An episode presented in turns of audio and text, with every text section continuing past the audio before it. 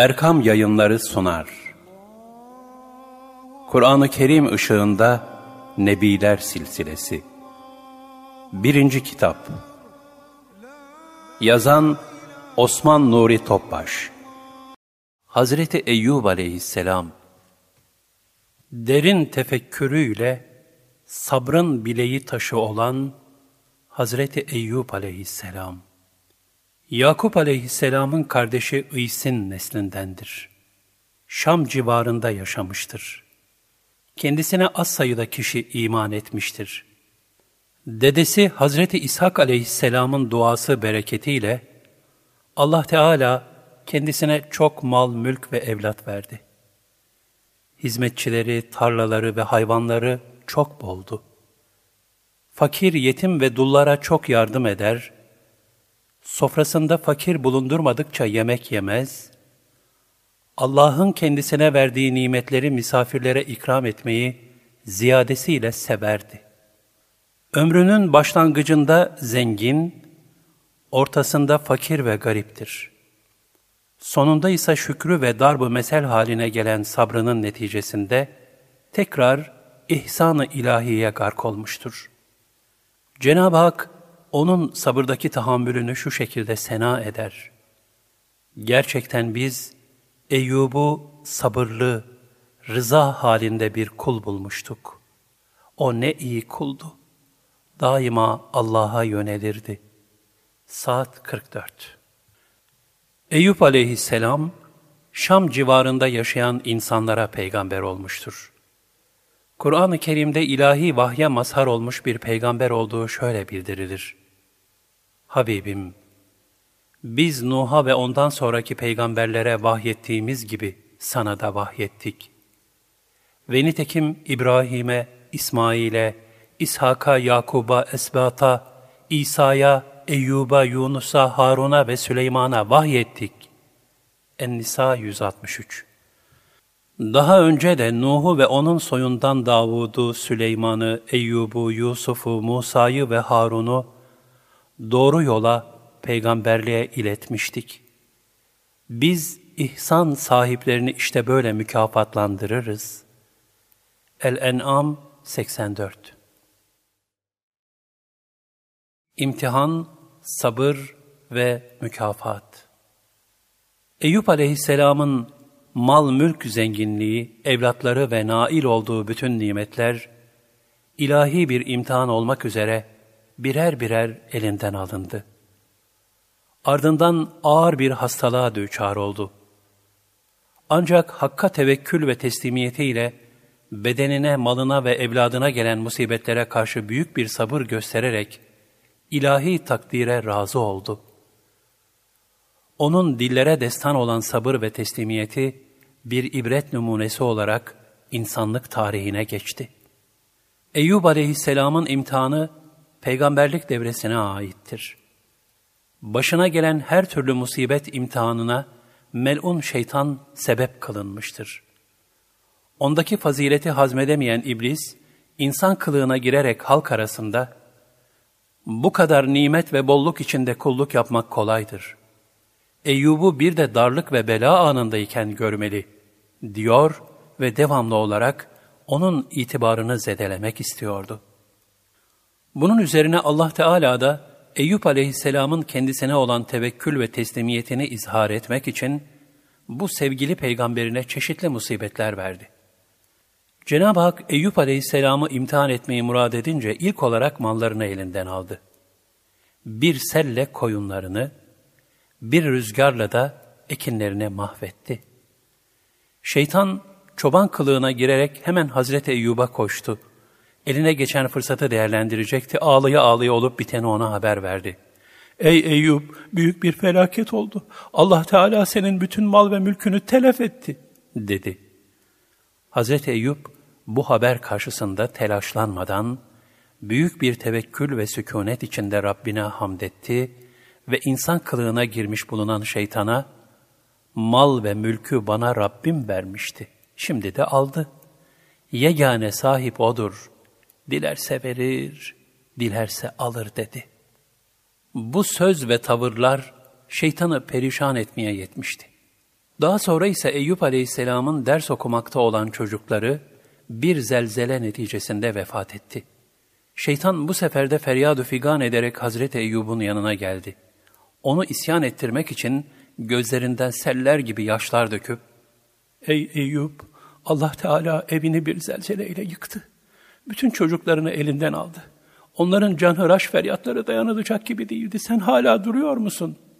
Dedi ve hadiseyi o kadar acıklı bir şekilde nakletti ki, Hz. Eyyub'un tevekkül ve teslimiyetle yoğrulmuş kalbindeki merhamet hissiyatı taşarak, mübarek gözlerinden yaş geldi. Ancak bu imtihan karşısında da büyük bir sabır göstererek, ilahi tecelliye rıza gösterdi. Maksadına yine nail olamayan şeytan, öfkeden kudurdu. Yine bir şeyler demek üzereydi ki, Hazreti Eyüp, ''Ey melon, sen iblissin ve beni Rabbime karşı isyana teşvik etmek istiyorsun. Bilesin ki evlatlarım birer emanetti. Sahibi geri aldı. Veren o, alan o. Niçin incineyim? Ben her ahvalde Rabbime hamd eden bir kulum dedi. Salih kulların hakka teslimiyetini Aziz Mahmud Hüdayi Hazretleri bir beytinde ne güzel dile getirir. Alan sensin, veren sensin, kılan sen, ne verdinse odur, dahi nemiz var. Enes bin Malik radıyallahu an şöyle buyurmuştur. Üvey babam Ebu Talha'nın bir oğlu ölmüştü. O sırada kendisi dışarıda bulunuyordu. Hanımı Ümmü Süleym oğlunun öldüğünü görünce onu yıkayıp kefenledi ve evin bir tarafına koydu. Derken Ebu Talha geldi ve çocuk nasıl oldu diye sordu. Hanımı sakinleşti. Ben onun istirahat etmiş olmasını umuyorum dedi. Nihayet sabah olunca kocası Ebu Talha boy abdesti aldı. Hazırlanıp dışarı çıkmak istediği sırada hanımı ona çocuğun vefat ettiğini haber verdi. Büyük bir teessüre kapılarak evinden ayrılan Ebu Talha hemen Hazreti Peygamber sallallahu aleyhi ve sellemin yanına gitti ve onunla birlikte namaz kıldı. Sonra olup bitenleri Peygamber aleyhisselama anlattı. Bunun üzerine Allah Resulü sallallahu aleyhi ve sellem, umarım ki Allah Teala bu gecenizi sizin için bereketli kılmıştır buyurdu. Enes bin Malik Hazretlerinin anlattığı bu hadise, Ümmü Süleym'in zeka, takva ve bilhassa Cenab-ı Hakk'a teslimiyetini göstermektedir. Bu hadise, ana baba, evlat, mal, mülk gibi bütün varlıkların ancak bir emanet olduğunu ve sahibinin gerektiğinde geri aldığını ne güzel izah eder. Sanki Ümmü Süleym, Ebu Talha'ya hal lisanı ile, yavrumuz onu bize gönderen kudret tarafından geri çağrıldı. Bir müddet sonra onunla kıyamette tekrar buluşacağız. Üzülme ve sesini çıkarma. Hak'tan razı ol demekteydi. Nitekim Cenab-ı Hak Ümmü Süleym'e kısa bir müddet sonra nur topu gibi bir yavru ihsan etti. İsmi de Hz. Peygamber sallallahu aleyhi ve sellem tarafından Abdullah olarak konuldu. Allah Teala Eyüp aleyhisselama son olarak Kur'an-ı Kerim'de ismi belirtilmeyen bir hastalık verdi. Kur'an-ı Kerim'de hastalığın ismi belirtilmemiştir. Çünkü burada esas anlatılmak istenen hastalık değil, Eyüp aleyhisselamın sabrı ve her halükarda Allah'tan razı olmasıdır. Hastalığı o derece arttı ki hiç kimse yanına uğramaz oldu. Yalnız şefkat timsali hanımı Rahime Hatun, eşsiz bir sadakat ve vefa örneği sergileyerek onun hizmetine devam etti. El işi yaparak maişet teminine çalıştı. Her türlü hizmeti severek ifa etti. Eyüp aleyhisselam bu hastalığında da halinden şikayetçi olmadı. Rabbine sığınarak sabretti, hamdü senasına devam etti. Nebevi bir edep göstererek hastalık ve yorgunluğunu şeytana izafe etti. Bu hal ayet-i kerimede şöyle bildirilmektedir. Resulüm, kulumuz Eyyub'u da an. O Rabbine, doğrusu şeytan bana bir yorgunluk ve eziyet verdi diye seslenmişti.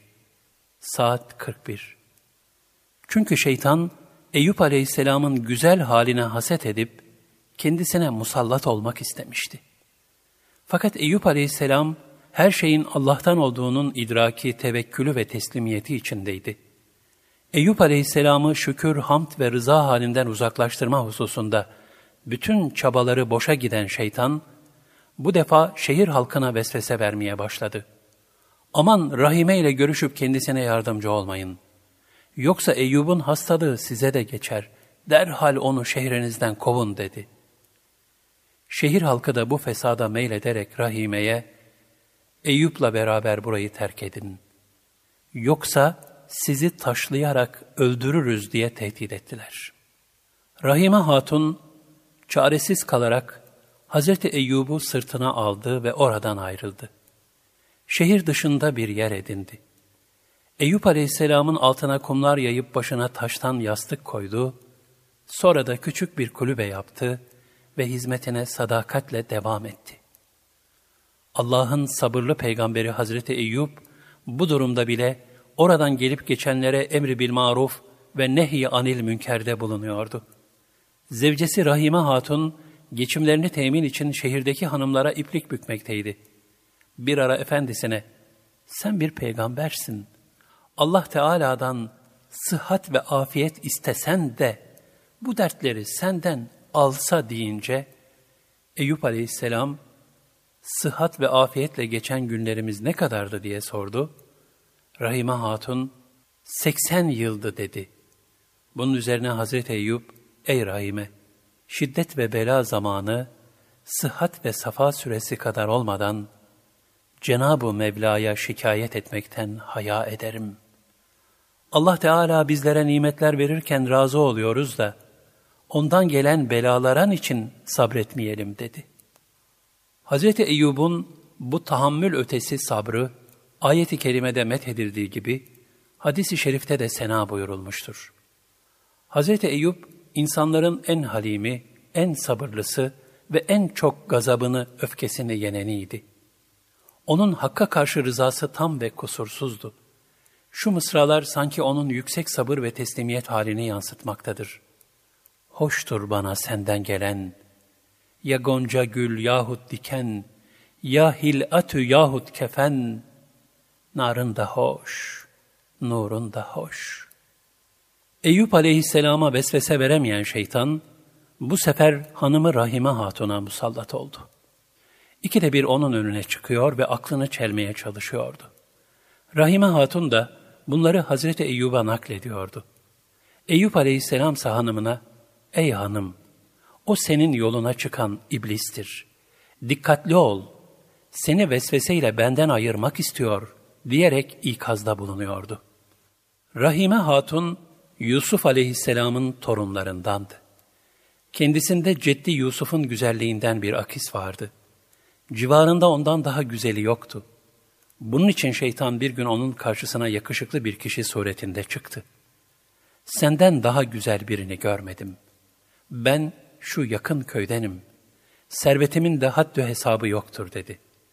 Rahime Hatun Rabbine sığınarak, ben hasta olan Eyüp peygamberin hanımıyım. Ona hizmet etmekteyim ve ben o şerefli peygamberden başkasına asla meyletmem dedi ve yürüyüp gitti. Rahime Hatun Hazreti Eyyub'un yanına döndüğünde olup biteni anlattı. Hazreti Eyyub bu sözlerden sıkıldı. Hiddetle, ''Ey Rahime, ben sana ondan sakınmanı söylemiştim. Eğer sıhhate kavuşursam sana yüz sopa vuracağım.'' diye yemin etti. Eyüp Aleyhisselam'ın hastalığı gün geçtikçe şiddetlendi. Bu durum onun peygamberlik vazifesini yapmasına mani olmaya başladı. O da yüce dergaha ellerini açtı ve bana gerçekten hastalık isabet etti. Sen merhametlilerin en merhametlisisin. El-Enbiya 83 diyerek ilahi merhametin kendisi üzerine tecelli edip şifa bulması için kalben Cenab-ı Hakk'a yöneldi. Eyüp Aleyhisselam'ın bu şekilde dua etmesinin sebebi hususunda tefsirlerde değişik rivayetler bulunmaktadır. İmam Cafer Es-Sadık Hazretleri buyurdu ki, Musibet müddeti uzayınca şeytan, Ey Eyüp, hastalıktan kurtulmak istersen bana secde et dedi. Hazreti Eyyub'un kalbi gayet mahzun oldu ve hastalıktan değil, düşmanın haris olmasından rahatsızım deyip Rabbine, bana bu hastalık isabet etti dedi. Diğer bir rivayet, kendisine iman etmiş bulunan birkaç kişi, eğer bunda hayır olsaydı bu belaya düçar olmazdı demişti. Nadanların bu sözleri de Hazreti Eyyub'u son derece rencide etmişti. Diğer bir rivayet, Rahime Hatun çaresizlik içinde kalarak yiyecek almak için elbisesini satmıştı. Eyüp aleyhisselam bunu öğrenince büyük bir üzüntüyle Rabbine iltica etti.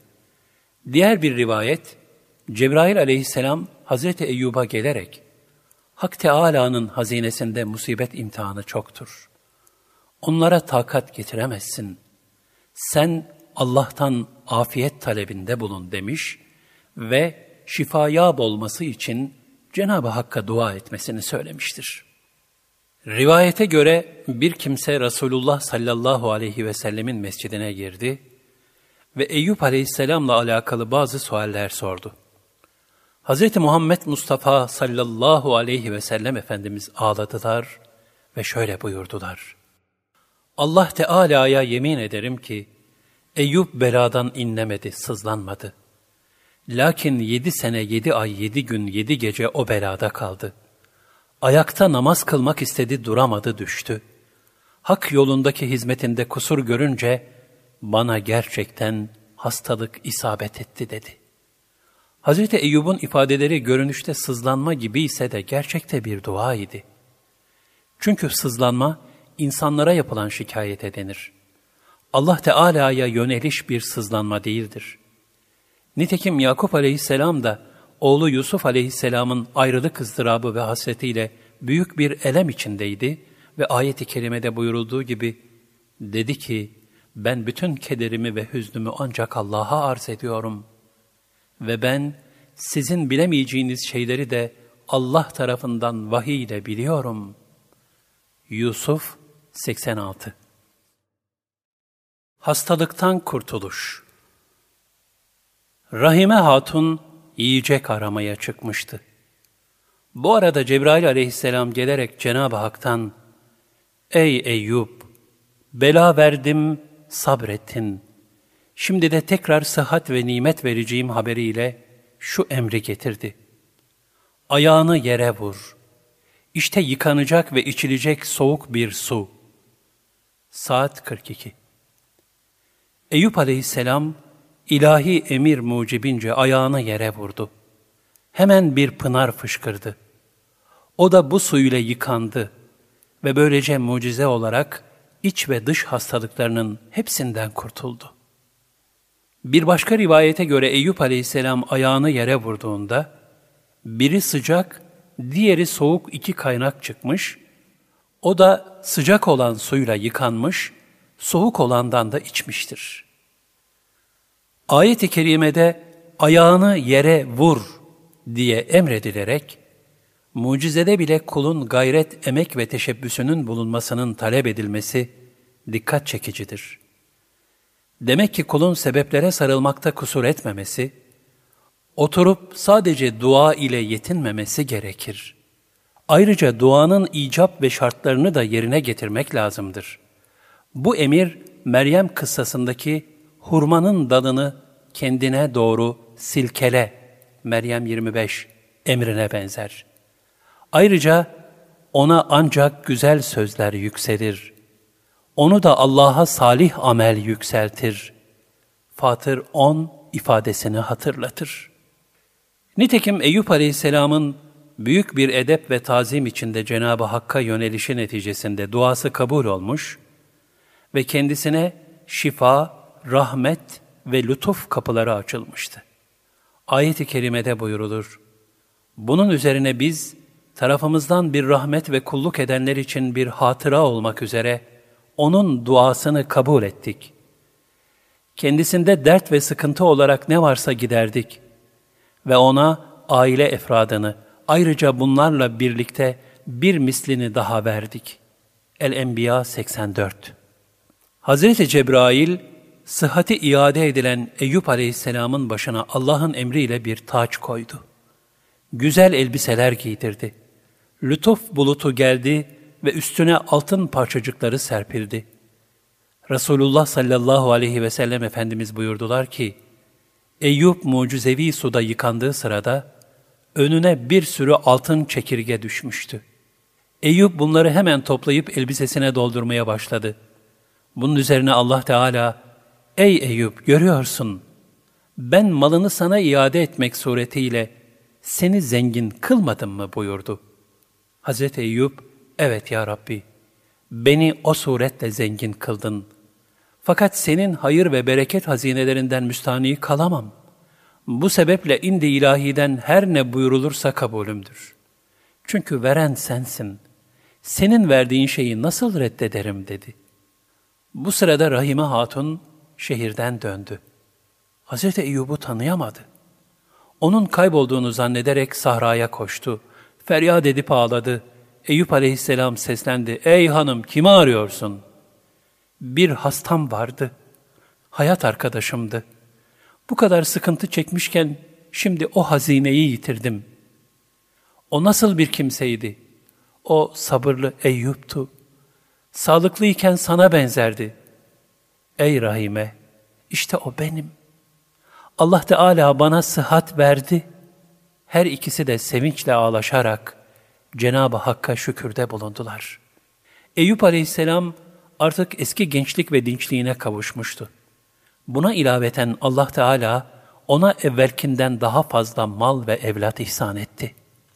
Bizden bir rahmet ve aklı selim sahipleri için de bir ibret olmak üzere ona hem ailesini hem de onlarla beraber bir mislini bağışladık. Saat 43 Nihayet Eyüp aleyhisselam ve ailesi darmadağın bir haldeyken tekrar bir araya toplandı. Eskisinden daha büyük lütuflara nail kılındı. Hazreti Eyüp aleyhisselam hastalıktan afiyete kavuşmuş olarak geçirdiği ilk gecenin sabahında derinden bir ah çekti. Sebebini sordular. Dedi ki, her gece seher vaktinde, ''Ey bizim hastamız, nasılsın?'' diye bir ses duyardım. Şimdi yine o vakit geldi. Fakat ''Ey bizim sıhhatli kulumuz, nasılsın?'' sesini duymadım. Bunun için ağlıyorum. Rahime Hatun'un hizmetinin mükafatı Rivayete göre Eyüp aleyhisselam, hanımının bir hatasından dolayı sıhhate kavuştuğunda ona yüz değnek vurmaya yemin etmişti. Ancak zevcesinin ona karşı hizmet ve fedakarlığı büyüktü. Bu sebeple Allah Teala yüz tane ekin sapından oluşan bir demetle bir kere vurulmasını kafi görerek onlara merhamet buyurdu ve şöyle emretti. Eline bir demet sap al da onunla vur. Yeminini böyle yerine getir. Gerçekten biz Eyyub'u sabırlı bir kul bulmuştuk. O ne iyi bir kuldu. Daima Allah'a yönelirdi. Saat 44 Ayet-i Kerime'deki ruhsat, şer'i ceza ve yeminlerde Eyüp ruhsatı adıyla baki kalmıştır. Ayette bu demetin ne demeti olduğu açıkça belirtilmediği için daha başka manalara da hamledilmiştir. Yani bu emir yalnız o ruhsatı göstermekle kalmamış, aynı zamanda eli altında bir cemaat kurulması gerektiğine de işaret etmiştir. Rıza Gerçekten biz Eyyub'u sabırlı, rıza halinde bir kul bulmuştuk. O ne iyi bir kuldu. Daima Allah'a yönelirdi.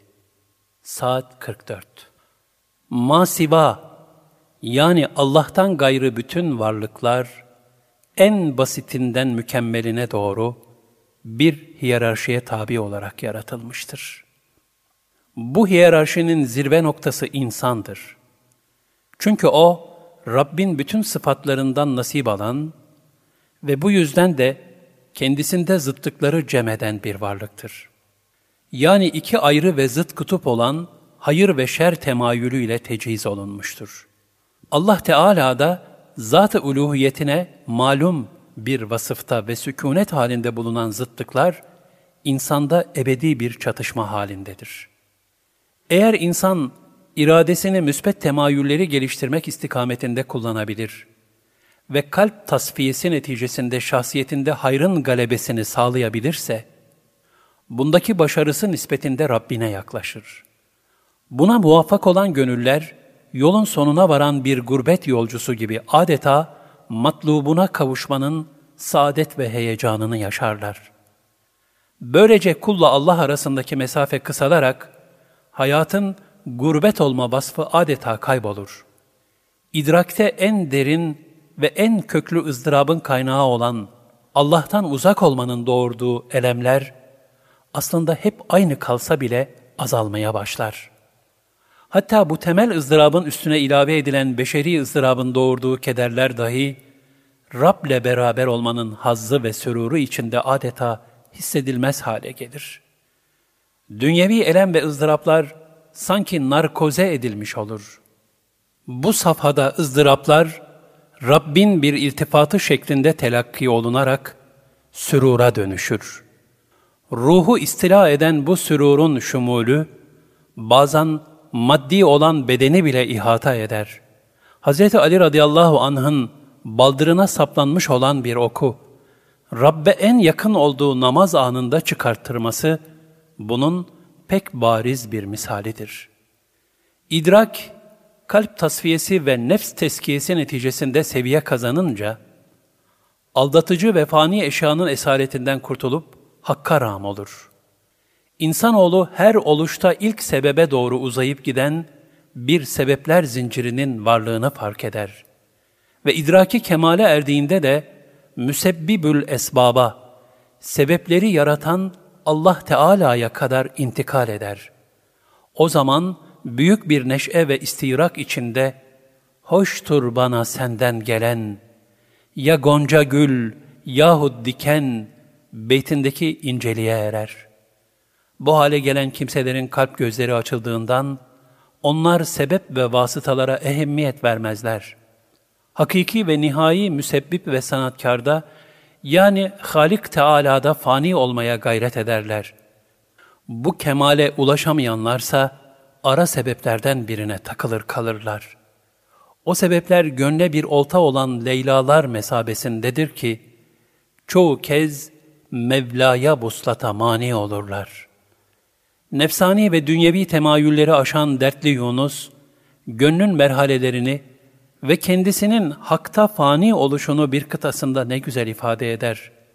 Sufilere sohbet gerek, ahilere ahiret gerek, mecnunlara Leyla gerek, bana seni gerek, seni. Bu kemale ulaşmanın en feyizli vasıtası, birer ızdırap kaynağı olan iptilalardır. Bundan dolayıdır ki hadis-i şerifte de ifade buyurulduğu gibi insanların iptilalara en çok muhatap olanları peygamberlerdir. Çünkü onlar ümmetlerine numunedirler. Vazifeleri icabı Rabbe en yakın bir mevkide bulunmak durumundadırlar ki, bu yakınlık mevkiinin zemini de dosta bağlılık derecesini ölçen iptilalardır. Nitekim aşırı sürur ve aşırı ızdırap gibi nefse tuzak olan uç noktalara sürüklenmeyip, rıza ve bunun neticesi olan sabır ve tevekkül sahibi olmaları sayesinde, peygamberlerde hayal edilmez bir tahammül müşahede olunur. Ashab-ı kiramdan Ebu Said el-Hudri radıyallahu an Resulullah sallallahu aleyhi ve sellem Efendimiz hastayken onu ziyarete gitmiş ve onun ne büyük acılara sabırla katlandığını bizzat müşahede etmiştir. O şöyle anlatıyor. Elimi Allah Resulü'nün üzerine koydum.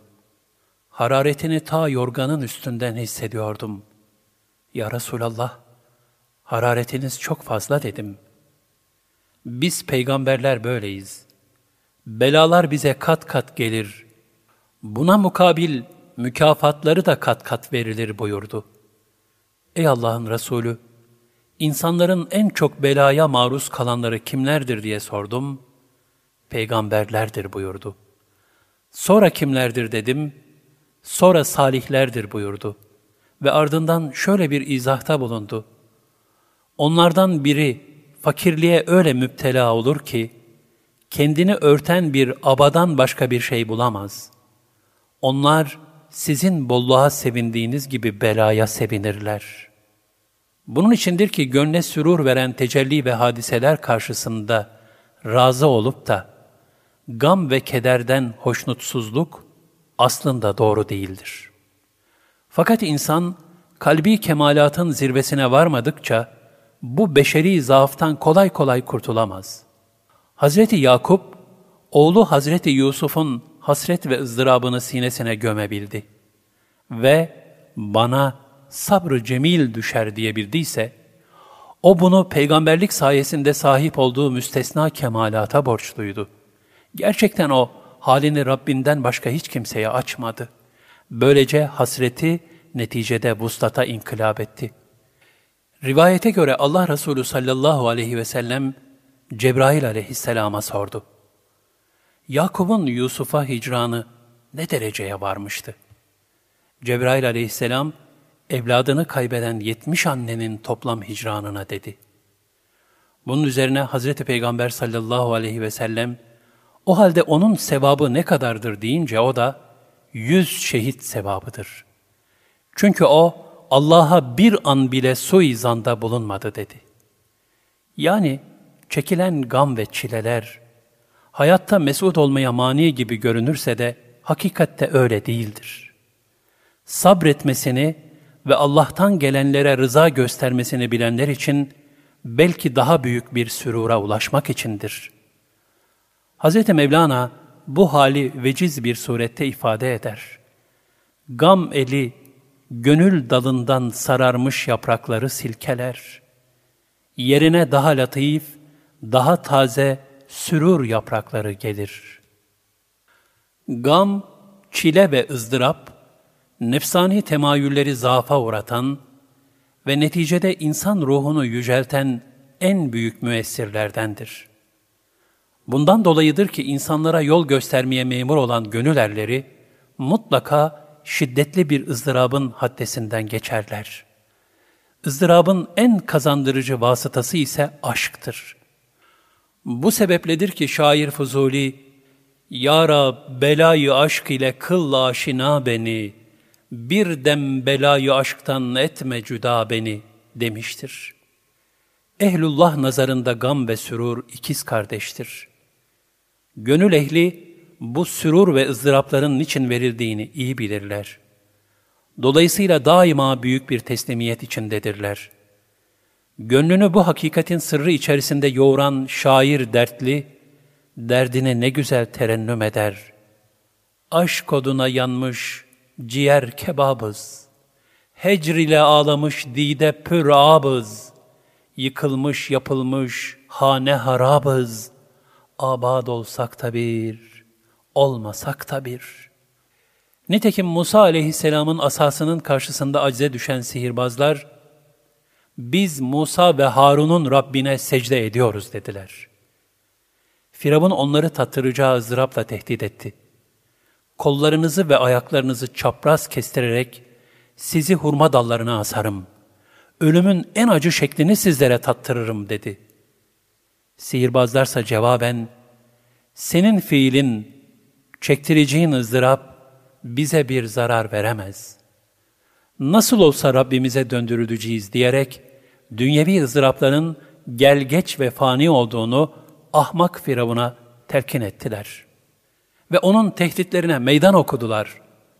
Çünkü büyük bir hakikate ulaşmanın ruhi süruru, evvelce de temas edildiği gibi, dünyevi ızdırapları idrakte küçültür ve ehemmiyetsiz kılar. Önce ulul azm bir peygamberle müsabakaya çıkan sihirbazlar, yüce hakikati idrak edince, büyük bir iman vecdi içinde Musa aleyhisselamı tasdik ettiler.'' Bu iman heyecanı ile şehadet şerbetini içmeyi tercih ettiler. Dünyaya ait ızdıraplara büyük bir tevekkülle meydan okuyarak, ilahi sonsuzluk yolculuğunun seyyahı oldular. Böylece işkence gibi gözüken bir zulüm, onlar için ebedi kazanç vasıtası oldu. Hak'tan gelen kahrı da lütuf olarak kabullenen salihlerden oldular. Firavunsa iblis gibi gururuna mağlup olarak, aşikar hakikati inkara devam etti. Hz. Mevlana Kuddise Ruh, inat derecesinde küfre saplanmış münkirlerin halini şöyle tasvir eder. Eğer dikkat edersen, hiçbir münkirin inkarı sırf inkar için değildir. belki hasedinden dolayı hasmını kahretmek yahut kendisini üstün göstermek içindir. Sadıklar için hakkın cefası, bu geçici hayal ve serap aleminin sürur ve bayramlarından bin kere evladır. Onlar avamın yöneldiği lütuf zannedilen şeylerden el çekmişlerdir. Hazreti Mevlana güzel tasvirlerine devamla der ki, avam için tamamıyla lütuf olan şeyler, nazeninler yani ehlullah için kahırdır. Şu halde halk bela ve elem çekmeli ki, bunlar arasındaki farkı anlasın. Ehlullah'ın bulundukları rıza makamını, yani hakta fani oluş mertebesini izah edecek kelime, ses ve ifade bulmak mümkün değildir. Zira o makam, aşina olmayanlara mahrem sır tecellileriyle dolu apayrı bir zevk-i bedi'idir. Nitekim hastalığının en şiddetli günlerinde Eyüp Aleyhisselam'a, hanımı Rahime Hatun, sen bir peygambersin, Allah Teala'dan sıhhat ve afiyet istesen de bu dertlerden kurtulsan deyince Eyüp Aleyhisselam, sıhhat ve afiyetle geçen günlerimiz ne kadardı diye sordu. Rahime Hatun 80 yıldı dedi. Bunun üzerine Hazreti Eyüp Aleyhisselam, ey Rahime, şiddet ve bela müddeti en az sıhhat ve safa süresi kadar olmadan Cenab-ı Mevla'ya şikayet etmekten haya ederim. Allah Teala bizlere nimetler verirken razı oluyoruz da, ondan gelen belaların için sabretmeyelim. Ben Rabbimden razıyım, dedi. Eyüp Aleyhisselam'ın bu tavrı, rızanın en güzel misalini sergiler. Eyüp Aleyhisselam hastalandığı sırada, bütün musibet ve sıkıntılarına rağmen halinden şikayet eder bir duruma düşmemek ve takdire rızada icap eden sabrı göstermek için, hastalığını Cenab-ı Hakk'a arz etmekten, sıhhat ve afiyet istemekten bile çekinmiştir. Nihayet zevcesinin ısrarıyla sadece sen merhametlilerin en merhametlisisin diye niyazda bulunmuştur. Bu dua üzerine Allah Teala kullukta daim olanlara bir rahmet hatırası olmak üzere onun derdini gidermiş ve hastalığına şifa vermiştir. Böylece sabır, şükür, teslimiyet ve muhabbetullahın neticesinde eski zinde hayatı Eyüp aleyhisselama iade edilmiştir. Allah Teala Hazreti Eyyub'u bütün bu olup bitenler sırasında rıza halinde sabırlı bir kul olarak bulduğunu beyan buyurmuştur. Eyüp aleyhisselamın sabrı ve rıza hali, hak yoluna giren salik ve dervişlerin bilhassa ibret ve hisse alması gereken en güzel bir misaldir. Allah Resulü sallallahu aleyhi ve sellemin Taif'te katlandığı ızdırap ve çile hiçbir kula nasip olmayan Miraç hadisesinin zeminini teşkil ediyordu. Bir başka tecelliye mazhariyetle Halilullah kılınan İbrahim aleyhisselamın hali de Hakk'a meclubiyet ve teslimiyetin daha değişik bir tezahürünü sergiler. İbrahim aleyhisselam ateşe atılırken Cebrail aleyhisselam geldi ve bir hacetin var mı? Benden bir arzun var mı dedi. O ise hacetim var ama sana değil dedi. Sonra Cebrail'e sordu, ateşe yakma gücünü veren kimdir? Neticede İbrahim aleyhisselamın Allah'a olan aşkının tecellisi, dünya ateşini bir anda gülistana çevirdi. Çünkü İbrahim aleyhisselamda eşyanın isimlerinin sırları tecelli etmiş ve o hakta fani olmuştu. Hakta fani olanlar için Allah'tan ister lütuf, ister kahır, ne gelirse gelsin, hepsi kulun manevi yükselişine vesile olur. Kahırlar, çileler ve ızdıraplar onlar için bir lütuftur. Aynen Hazreti İbrahim aleyhisselam gibi Cebrail'i dahi vasıta olarak kullanmaktan imtina ederler. Çünkü onlar hakkın mazharı olmuşlardır. Işığa nail olmak için kendini helak eden kelebeklerden bir farkları kalmamıştır. Ancak şuna dikkat etmek lazımdır ki, ateşin Hazreti İbrahim aleyhisselamı yakmamasını örnek alarak, bir kimsenin kendisi hakkında da aynı neticenin zuhurunu beklemesi, haddini bilmemek olur. Bunun sonu ise hüsrandır. Hazreti Mevlana Kuddisesi Ruh bu hakikati ne güzel açıklar. Allah yolunda ateşe girmek vardır. Lakin ateşe atılmadan önce kendinde İbrahimlik olup olmadığını araştır. Çünkü ateş seni değil, İbrahimleri tanır ve yakmaz. Hasılı bir kimsenin kemal sahibi ve yüksek makamlardaki gerçek büyüklerle kendisini kıyaslaması, tehlikeli akıbetlere sürükleyen yersiz bir cehalettir. Bize düşen, tedbir imkanları dahilinde çarelere başvurarak, neticesine tevekkül etmek, Allah'a sığınmaktır. Allah Resulü sallallahu aleyhi ve sellem buyurur, kendisinin Allah katındaki mevkiini bilmek isteyen, Allah Teala'nın kendi indindeki mevkiine baksın. Zira Allah Teala kulunu onun kendisini indirdiği mevkiye indirir. Şu misal bu hakikati ne güzel ifade eder. Rivayete göre Hazreti Peygamber sallallahu aleyhi ve sellem Harise radıyallahu anha, ''Ey Harise, nasıl sabahladın?'' diye sordu. Harise radıyallahu an hakiki bir mümin olarak cevabını verdi. Bu defa Peygamber Efendimiz sallallahu aleyhi ve sellem, ''Ey Harise, her hal ve hakikatin bir delili vardır. Senin imanının hakikatinin delili nedir?'' buyurdu. Harise radıyallahu an, ''Ya Resulallah, dünyadan el etek çekince, gündüzlerim susuz, gecelerim uykusuz hale geldi. Rabbimin arşını açıkça görür gibi oldum. Birbirlerini ziyaret eden cennet ehliyle, yek diğerine düşman kesilen cehennem ehlini görür gibiyim dedi. Bunun üzerine Allah Resulü sallallahu aleyhi ve sellem, tamam ya Harise, bu halini muhafaza et. Sen Allah'ın kalbini nurlandırdığı bir kimsesin buyurdular.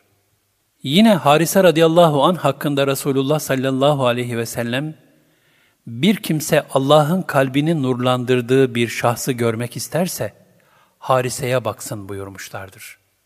İşte bu hal ayet-i kerimede radıyallahu anhum ve radu an. Allah onlardan razıdır, onlar da Allah'tan razıdırlar. El-Beyyine 8 diye ifade buyurulan salihlerin halidir. Böyle salih kullar Süleyman aleyhisselam gibi Ey Rabbim bana ve ana babama verdiğin nimete şükretmemi ve razı olacağın salih ameller yapmamı ilham eyle ve rahmetinle beni salih kullarının arasına kat. Enneml 19 diye dua ederler. Cenab-ı Hak bir ayeti kerimede de şöyle buyurur. İnsanlardan öylesi de vardır ki, Allah'ın rızasını kazanmak için kendini feda eder. Allah'ın rızası uğruna gerektiğinde bütün şahsi menfaatlerini terk eder. Allah kullarına karşı rauftur, çok şefkatlidir. El-Bakara 207 Ayet-i Kerime'nin nüzul sebebi çok calibi dikkattir.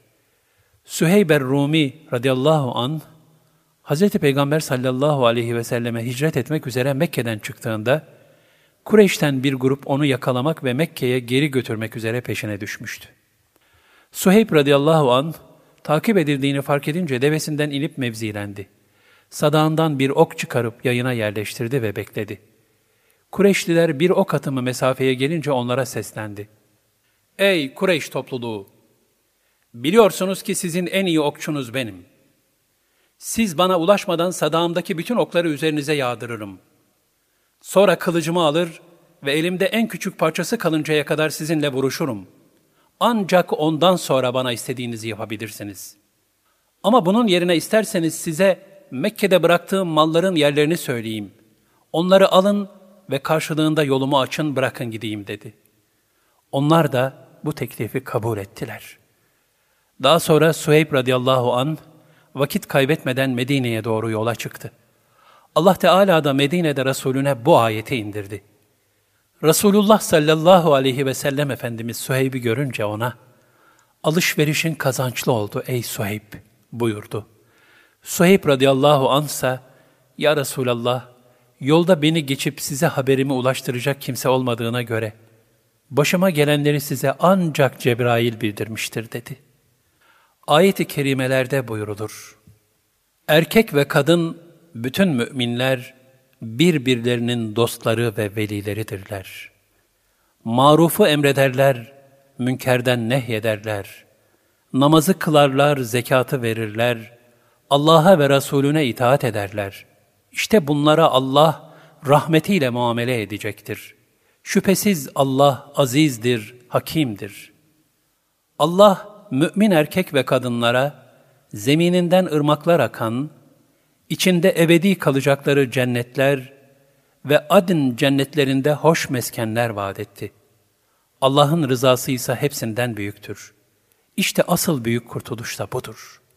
Et-Tevbe 72 Bütün bu sayılan nimetler, en ileri derecedeki iman ve hizmet ehline vaat olunmuştur.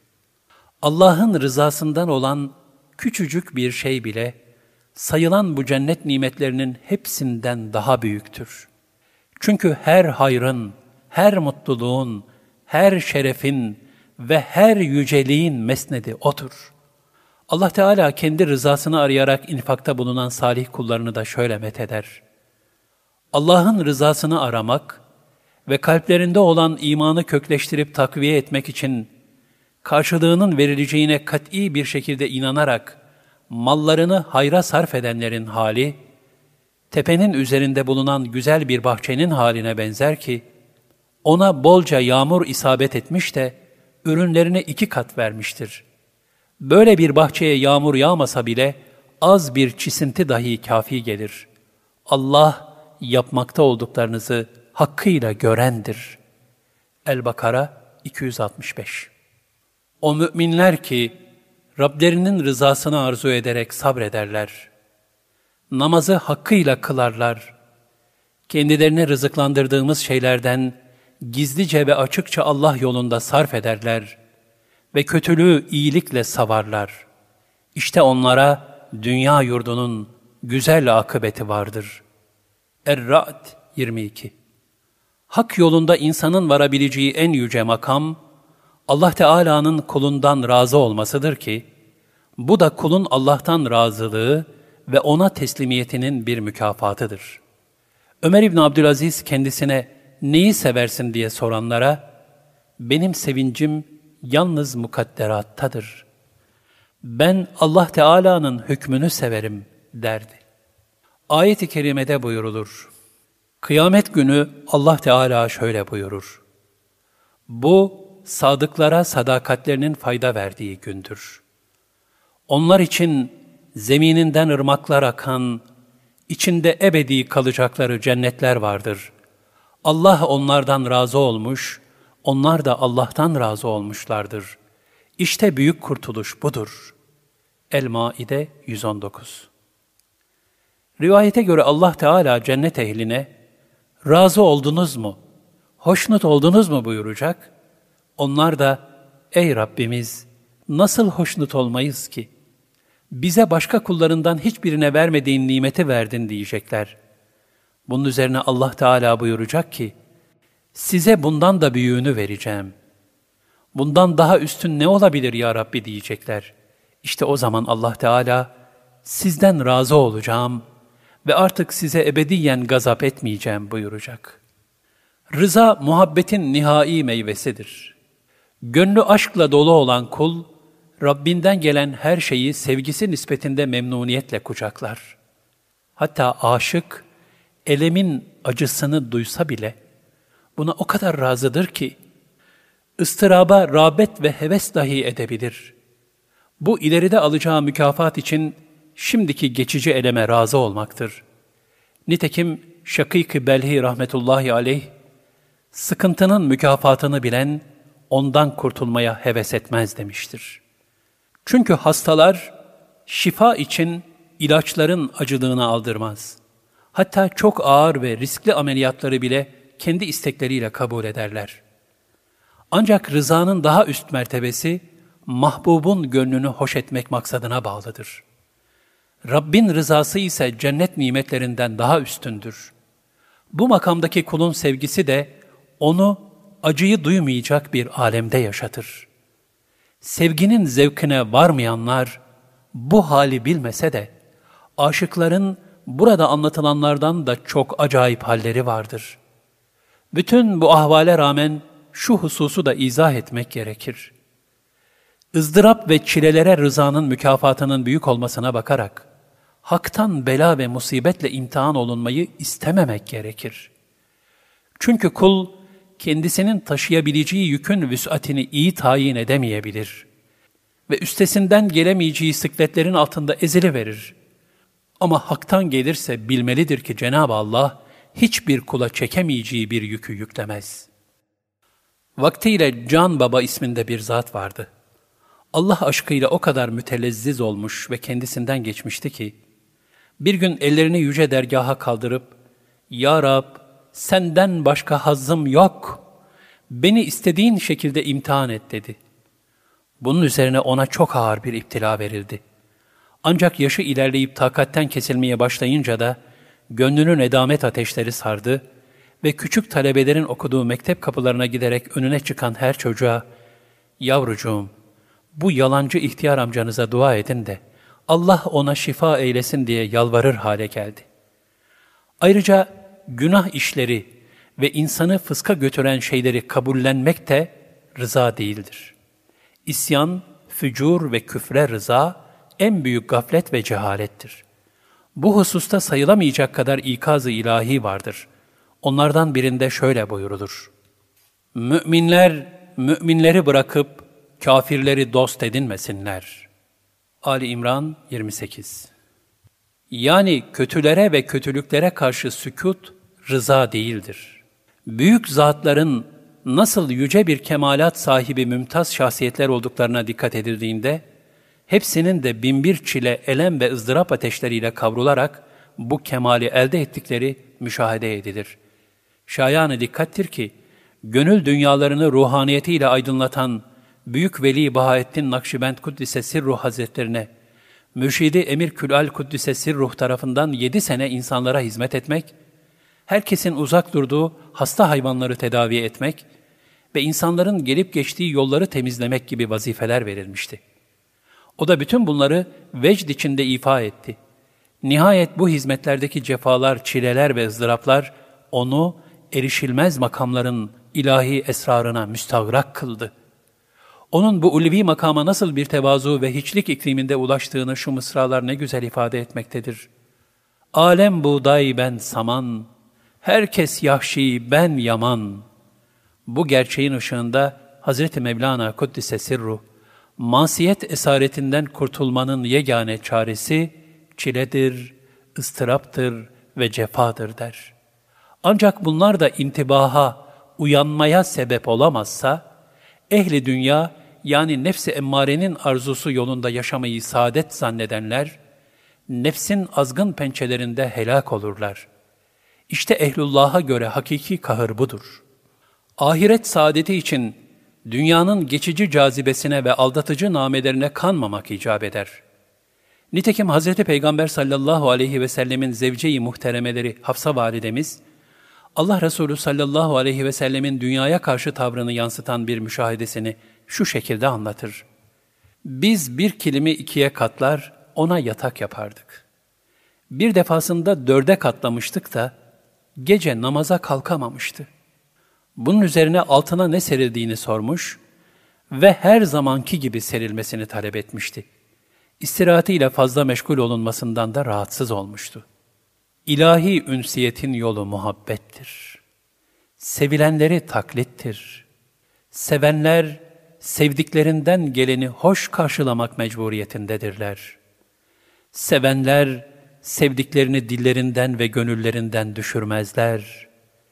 İman hayatının zevku safasını yaşamak isteyen gönüller de Allah'ın zikrini kalplerinde devam ettirirler. Ayaktayken, otururken, yatarken her halükarda zikredip semavat ve arzın yaratılmasındaki ince ve nazenin hikmetlere dalarlar da Ya Rabbi sen bunları boşuna ve abes yaratmadın. Seni tesbih ederiz. Bizleri cehennem azabından koru derler. Ali İmran 191 Allah Teala da kendisinden bu şekilde razı olan her kuluna sen ondan razı, o da senden razı olarak Rabbine dön. seçkin ve salih kullarım arasına katıl ve cennetime gir buyurur. El-Fecr 28-30 Onları ebedi nimetleriyle taltif eder ve cemaliyle müşerref kılar. Ya Rab, bizleri rızana nail olan gerçek tevekkül ve teslimiyet ehli kullarından eyle. Amin.